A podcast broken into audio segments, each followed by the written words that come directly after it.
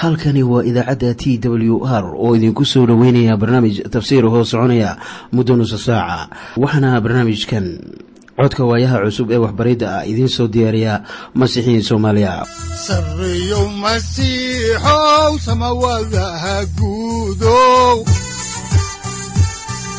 Siraadkii adduunkow subanaha eebow sareyow masiixow samawadaha guudow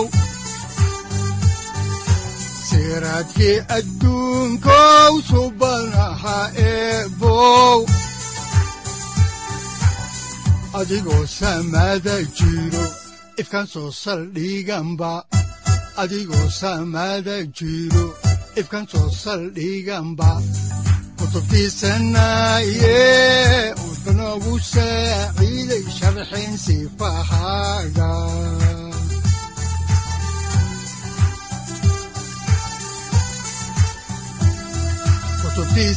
kutubtiisinayow ebanagu saaciid sharxin sifahaaga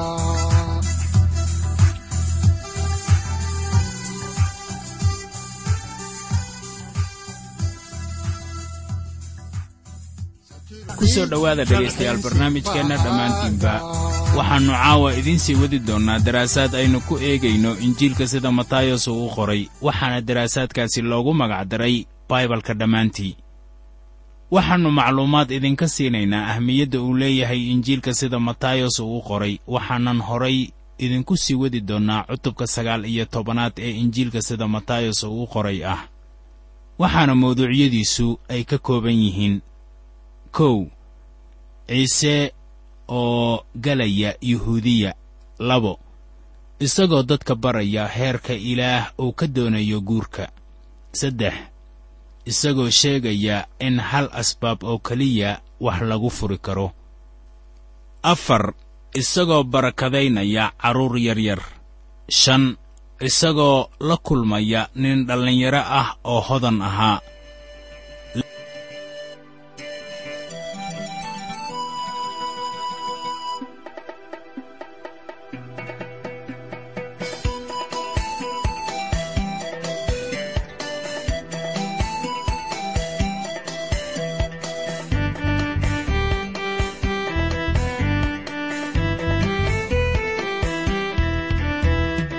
isagana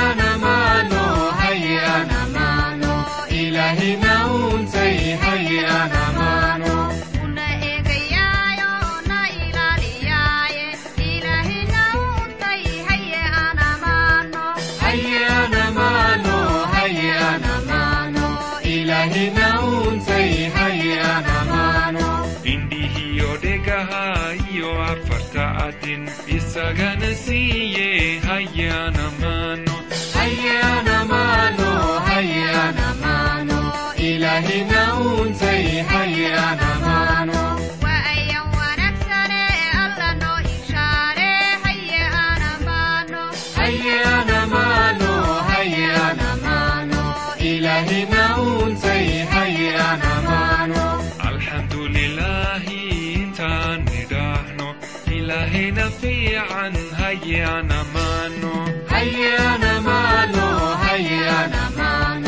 ilaahina uuntay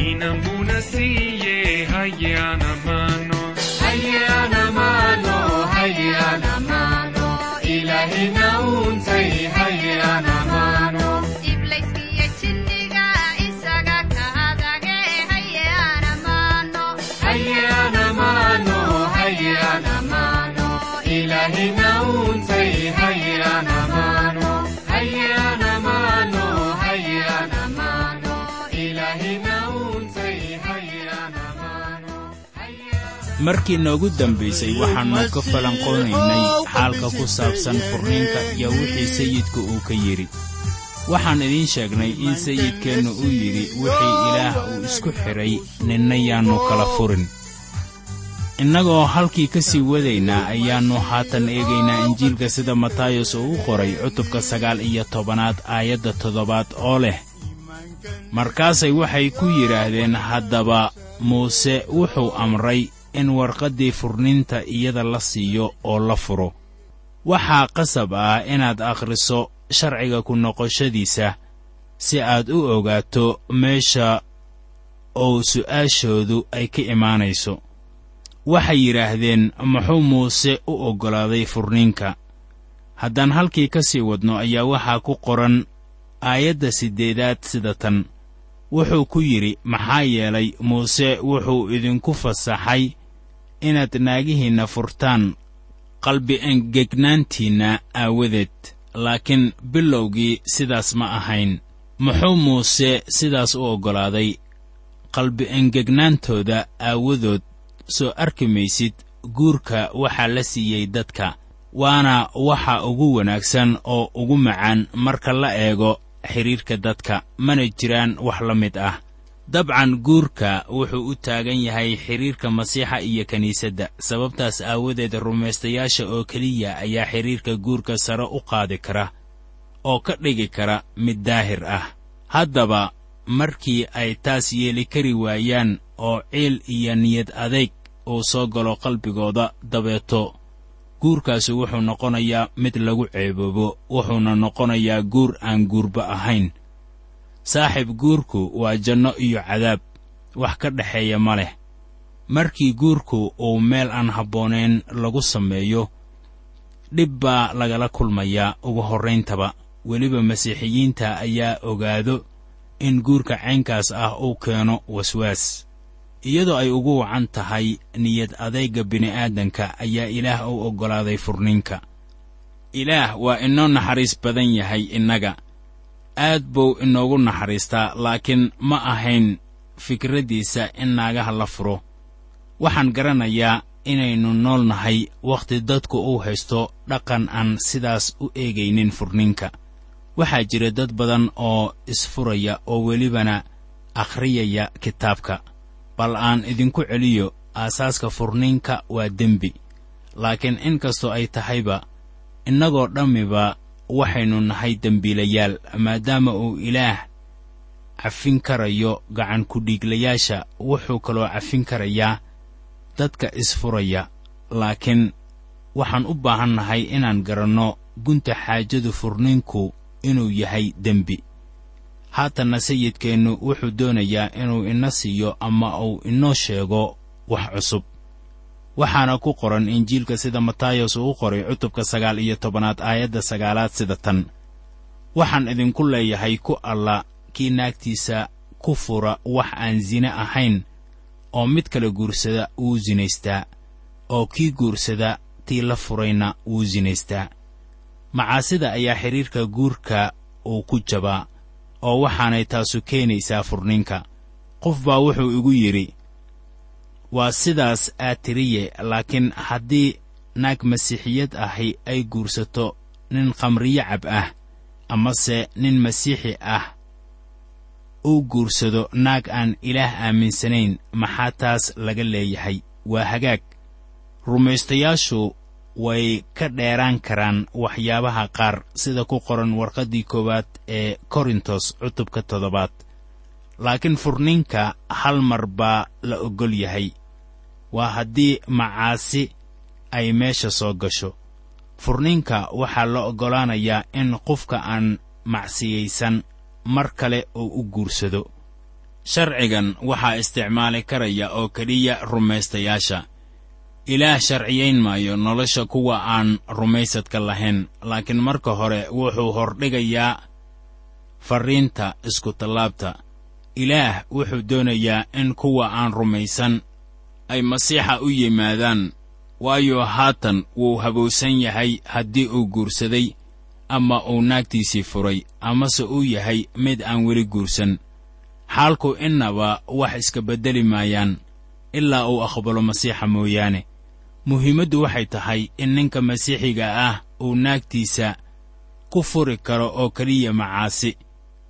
Haatan kaba soo qaad inuu jiro rumayste ruuxii ay isqabeen ay ku kala tageen asbaab aan ahayn macaasi. Maxaa loo hayaa qofkii kale? Waa hagaag. Haddii ay macaasi timaado aalaaba taas baa u badan waxa laysku furo eh. Qofka kale waxaa loo oggol yahay inuu mar kale guursado. Waxaan rumaysanahay in fikraddan ay muhiim tahay marka la eego kiiskan.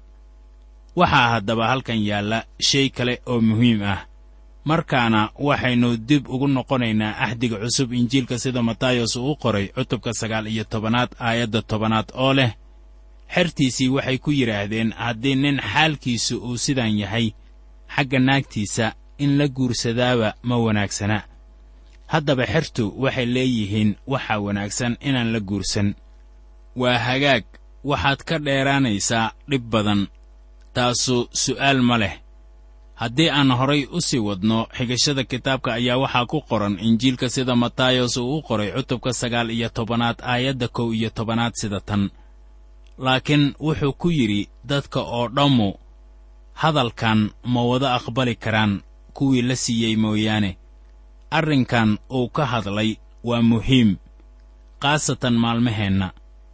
Aayadda xigtaa ayaa sayidkeennu uu dhigayaa sharci weyn ilaa iyo haatan dadka raacsan dariiqa kaatooliga ayaa dhibaatidan la hardamaya. Aan eegno aayadda laba-iyo tobanaad ee isla cutubkan oo leh waayo waxaa jira bohommo sidaas kaga dhashay uurkii hooyadood oo waxaa jira bohommo dadka dhufaanay oo waxaa jira bohommo isaga dhigay bohommo boqortooyada jannada aawadeed. Kii hadalkan aqbali kara ha aqbalo iminka waxaynu ka hadlaynaa maaddada yaabka leh ee ah ciise wuxuu qaabilay carruur yar yar.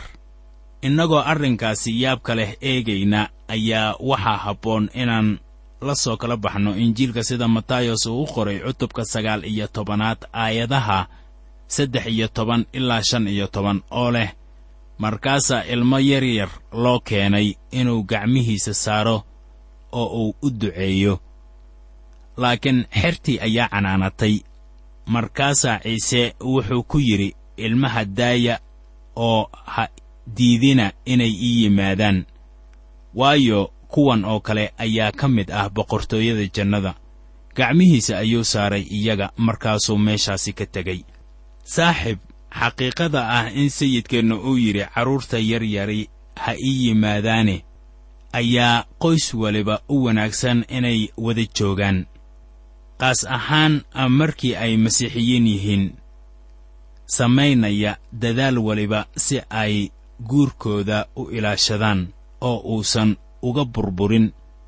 Qaybo badan oo dadka ah kuwaasoo dhib uu ka soo haysto sharciga iyo nebiga ayaa waxay ka yimaadaan guri aan degganayn ama hooyadii iyo aabbihii ayaan wada joogin waxaad la yaabaysaa markii aad ogaato caddadka inta dhallinyaro ah ee ka tegaya masiixa iyadoo ay ugu wacan tahay aabbihii iyo hooyadii oo kala tegay way ahmiyad ballaaran tahay in ciise uu isku xidhay maaddada furniinka iyo kalgacaylka danaynta ah ee uu u hayo carruurta yaryar.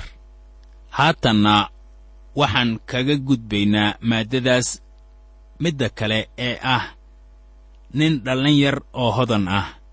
Innagoo halkii ka sii wadayna xigashada kitaabka ayaa waxaa ku qoran injiilka sida matayos uu u qoray cutubka sagaal iyo tobanaad aayadaha lix iyo toban ilaa toddoba iyo toban sida tan.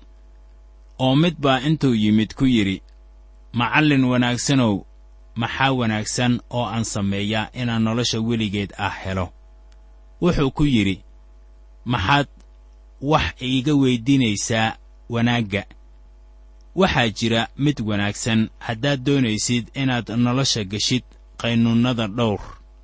Haddaan dib ugu noqonno kitaabka axdiga cusub ayaa waxaa ku qoran injiilka sida matayos uu u qoray cutubka sagaal iyo tobanaad aayadaha siddeed iyo toban ilaa labaatan sida tan. Wuxuu ku yidhi kuwee ciise ayaa ku yidhi waa inaanad qurgoyn waa inaanad sinaysan waa inaanad wax hadin waa inaanad marag been ah furin. Aabbaha iyo hooyada maamuus. Oo waa inaad deriskaaga u jeclaataa sidaad naftaada u jeceshahay. Ninkii dhallinyarada ahaa ayaa ku yidhi kuwaas oo dhan ayaan dhowray. Maxaa weli ii dhiman? Haddaan soo xiganno kitaabka ayaa waxaa ku qoran injiilka sida matayos uu u qoray cutubka sagaal iyo tobanaad aayadda kow iyo labaatanaad oo leh ciise ayaa ku yidhi haddaad doonaysid inaad samaatid tag oo iibi waxaad haysatid oo masaakiinta sii oo waxaad jannada ku lahaan doontaa maal ee kaalay oo i soo raac. Haddaynu ka hadalno aayadda laba-iyo labaatanaad iyana waxay odhanaysaa ninkii dhallinyarada ahaa goortuu hadalkaas maqlay ayuu baxay isagoo calool xun waayo wuxuu ahaa mid waxyaalo badan leh waxay ahayd lacagtiisa wixii ka reebay inuu raaco sayid ciise masiix. Maalmaheenna waxaa jira waxyaalo badan oo ka hor jooga dadka inay raacaan sayid ciise. Hodantannimada waa mid ka mid ah waxyaalahaas dadka ka hakiya inay sayidka raacaan. Waxaase kaloo jira arrimo dhowr ah oo kale sida daacadda ah. Xubinnimada kiniisadda ayaa ka dheeraynaysa dad badan masiixa waayo waxay la tahay inay ku jiraan meel ay dembigooda kaga badbaadayaan. Waxay dareemayaan sida inay badbaadsan yihiin waayo muxaadarooyin bay ka qayb galaan amase waxay sameeyaan qirashooyin welibana waxay la mid noqdaan alaaba sida waxaan dembiyadooda ka soo noqon oo ku jira gudcur dam ah maanta miyay jiraan wax kaawadaya masiixa? Miyay jiraan shay ku hortaagan oo ku diidan inaad u tagto masiixa? Waxaa haddaba ninkan dhallinyarada ah ka hor istaagay inuu masiixa raaco hodantinimadiisa. Haddaan halkii ka sii wadno kitaabka ayaa waxaa ku qoran injiilka sida matayos uu u qoray cutubka sagaal iyo tobanaad aayadda saddex iyo labaatanaad sida tan markaasaa ciise wuxuu xertiisa ku yidhi runtii waxaan idinku leeyahay nin hodan ah inuu boqortooyada jannada galo waa ku adag tahay. Taasuna waa run marka la eego xitaa maalmaheenna. Maal qabeenno badan dad sharaf leh oo badan iyo madaxda badankood ee dunida maanta ayaan masiixi ahayn haddaan halkii ka sii wadno kitaabka ayaa waxaa ku qoran injiilka sida matayos uu u qoray aayadda afar iyo labaatanaad ee cutubka sagaal iyo tobanaad sida tan. Haddana waxaan idinku leeyahay nin hodan ah inuu boqortooyada ilaah galo waxaa ka howl yar in oor irbad dulkeeda uu ka duso. Dad badan ayaa mararka qaar seereeya inay gartaan hadallada kaftanka ah ee sayidkeennu. Mararka qaar uu isticmaalo. Qidcadan ayaana tusaale u ah. Waxaa jira dadka qaarkii oo rumaysan fasiraad la yaab leh ee leh waxaa yeruusaalem ku taallay albaab weyn oo la odhan jiray albaabkii erbadda duleelkeeda oo waxay ahayd haddii or uu doonayo inuu maro halkaas waa in la tujiyo oo la marsiiyo. Markaana sayidku wuxuu ku lahaa ninkan waa inaad is-hoosaysiisaa si aad ku gasho boqortooyada jannada. Laakiin inta qofku uu rumaysan yahay inuu wax ka samayn karo siduu badbaado ku heli karo ama ay ku jirto inuu ilaah ka iibsan karo badbaado ayaan sinaba loo badbaadinaynin oo waxay u adag tahay aragti ahaan in oor cirbad laga dhex dusiyo. Haddaan halkii ka sii wadno kitaabka ayaa waxaa ku qoran injiilka sida matayos uu u qoray aayadda shan iyo labaatanaad sida tan xertii goortay maqleen aad bay u yaabeen oo waxay ku yidhaahdeen haddaba yaa badbaadi kara. Haddaba dhegayso jawaabtii ciise innagoo idinka akhriyayna sida ku qoran aayadda lix iyo labaatanaad ee isla cutubka sagaal iyo tobanaad oo leh ciise intuu eegay ayuu ku yidhi waxaannu uma suurtoobaan dadka laakiin wax waluba waa u suurtoobaan ilaah waa taas fasiraadda dhabta ah ee oorka iyo cirbadda. Marka la eego qof waliba iyadoon loo eegayn kan uu yahay ayaa cid walba dow uu u leeyahay badbaado haddii ay gartaan inaanay jirin. Waxaad ku iibsanayso badbaadadaada. Laakiin ilaah loogu yimaado sida miskiin aan waxba isku furanin markii aad sidaas oo kale ugu timaado wuu ku badbaadinayaa waayo ilaah wax waliba way u suuroobaan. Iminkana waxaynu taa kaga gudbaynaa arrinka ah ciise wuxuu abaalmariyey rasuulladiisii. Haddaan halkii ka sii wadno kitaabka ayaa waxaa ku qoran injiilka sida matayos uu u qoray cutubka sagaal iyo tobanaad aayadda toddoba iyo labaatanaad sida tan markaas butros ayaa u jawaabay oo wuxuu ku yidhi annagu wax walba waannu ka soo wada tagnay waana ku raacnay. Maxaannu haddaba heli doonnaa? Way sahlan tahay inaannu u fikirno in simon butros halkan keenay nafjeclaysi. Miyaa haddaba sayidkeennu uu canaantay? Innagoo taa eegaynana ayaannu haatan soo xiganaynaa aayadda siddeed iyo labaatanaad oo leh ciise ayaa ku yidhi runtii waxaan idinku leeyahay kuwiinna i soo raacay wakhtiga cusboonaysiinta goortii wiilka aadanuhu carshiga ammaantiisa uu ku fadhiisto idinkuna waxaad ku fadhiisan doontaan laba iyo tobanka carshi idinkoo xukumaya laba iyo tobanka qolo oo israa'iil. Sayidkeennu ma uusan canaanan halkii uu ka canaanan lahaa ayuu u sheegay abaalmarinta sugaysa isla sidoo kale waxaan maanta rumaysanahay innaga masiixiyiinta ah inaan u shaqayno hadiyad. Haatanna waxaynu soo gaarnay aayadaha ugu dambeeya ee cutubkan sagaal iyo tobanaad waana aayadaha sagaal iyo labaatan ilaa soddon oo mid walba oo ka tegay guryo ama walaalo ama aabbe ama hooyo ama carruur ama beero. Magacayga aawadiis wuxuu heli doonaa boqollaab oo wuxuu dhaxli doonaa nolosha weligeed ah. Haatan waxaannu soo gaarnay cutubka labaatanaad. Haddaba cutubka labaatanaad mawduucyadiisu waxa ay kala yihiin waa koobe masaalkii shaqaalihii beer canabka. Labo ciise oo samaynaya ogaysiiskii afraad iyo kii shanaad oo ku saabsan dhimashadiisa saddex hooyadii yacquub iyo yooxanaa oo wiilasheeda u codsanaysa inay istaagaan midigta iyo bidixda sayid ciise. Afar iyo ciise oo indhaha u furaya laba nin oo indhoolayaal ahaa oo taagnaa jidka dhinaciisa.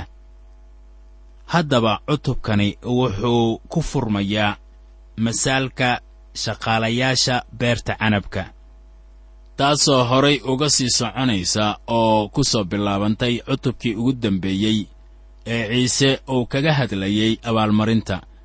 Cutubkan wuxuu soo gunaanadayaa qayb taasoo u muuqata inay sumadaynayso dhaqdhaqaaqii injiilka matayos ka bilaabata cutubkan heerka kacdoonka qisada injiilka ayaa sare u kacaysa. Sayidkuna si toos ah ayuu ugu socdaa isku-tallaabta haddaan idiin bilowno xigashada kitaabka ayaa waxaa ku qoran injiilka sida uu matayos u qoray cutubka labaatanaad aayadda koowaad sida tan. Boqortooyada jannada waxay u eg tahay nin oday reer u ah. Aroortii hore baxay inuu shaqaalayaal u kireeyo beertiisa canabka ah injiilka sida matayos uu u qoray cutubka sagaal iyo tobanaad aayadda soddonaad ayaa lahayd kuwo badan oo hore waa dambayn doonaan kuwa dambana waa horrayn doonaan. Waxaa kaloo ku qoran injiilka sida matayos uu u qoray cutubka labaatanaad aayadda lix iyo tobanaad inkastoo aynan gaarin sidaasay kuwa dambe u horrayn doonaan kuwa horena u dambayn doonaan waayo kuwo badan baa loo yeedhay laakiin kuwo yar baa la doortay. Markaa waad arkaysaa bilowga iyo dhammaadka masaalkan iyo aaraahda masaalka ee ah kuwo badan oo hore waa dambayn doonaan taasoo noqonaysa waxyaabaha masaalkan hareeraha ka yaalla. Haddaan halkii ka sii wadno kitaabka ayaa waxaa ku qoran injiilka sida matayos uu u qoray cutubka labaatanaad aayadaha labo ilaa shan sida tan oo goortuu shaqaalayaal maalintii kula heshiiyey diinaar ayuu beertiisii canabka ahayd u diray iyagii oo saacaddii saddexaad ayuu baxay oo wuxuu arkay qaar kale oo suuqa shuqulla'aan la taagtaagan oo wuxuu kuwaas ku yidhi idinkuna beerta canabka ah taga oo wixii xaq ah ayaan idiin siin doonaa wayna tageen. Haddana saacaddii lixaad iyo saacaddii sagaalaad wuu baxay oo sidaas oo kale ayuu sameeyey. Marka la leeyahay saacaddii lixaad ayaa loo jeedaa duhur dharaareed. Saacadda sagaalaad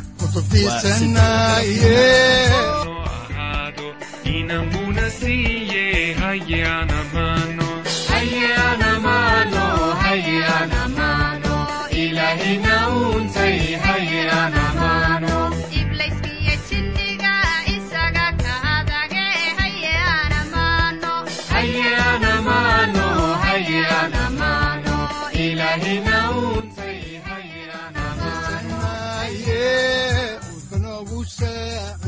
halkani waa t w r idaacadda t w r oo idinku leh ilaa ha idin barakeeyo oo ha idinku anfaco wixii aad caawi ka maqasheen barnaamijka.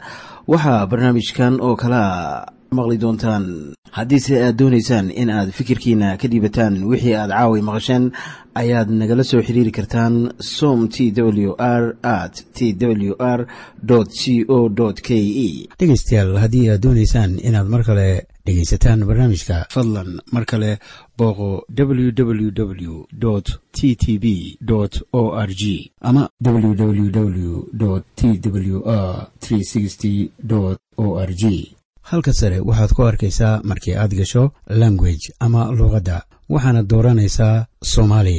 Haddii aad doonaysaan in aad dejisataan oo kaydsataan barnaamijka ama aad mar kale dhegaysataan fadlan mar kale booqo www t t b t w r o r g ama www t w r o r g haddii aad doonayso in laga kaalmeeyo dhinacyada fahamka kitaabka amase aad u baahan tahay duco fadlan fariimahaaga soo mari bogga aaraahda ama kommentska inana jawaab degdeg ah ayaanu ku soo diri doonaa amase ku siin doonaaye sareyow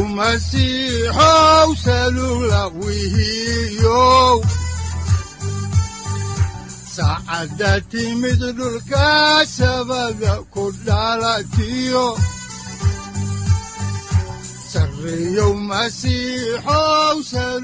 halkani waa t w r oo idiin rajaynaya habeen baraare iyo barwaaqaba leh inta aynu ka gaari doono wakhti aynu ku kulanno barnaamij la mida kan caawayay aad maqasheen waxa aan idinku leeyahay nabadda ciise masiix ha idinku badato xagga jidhka iyo ruuxaba aamiin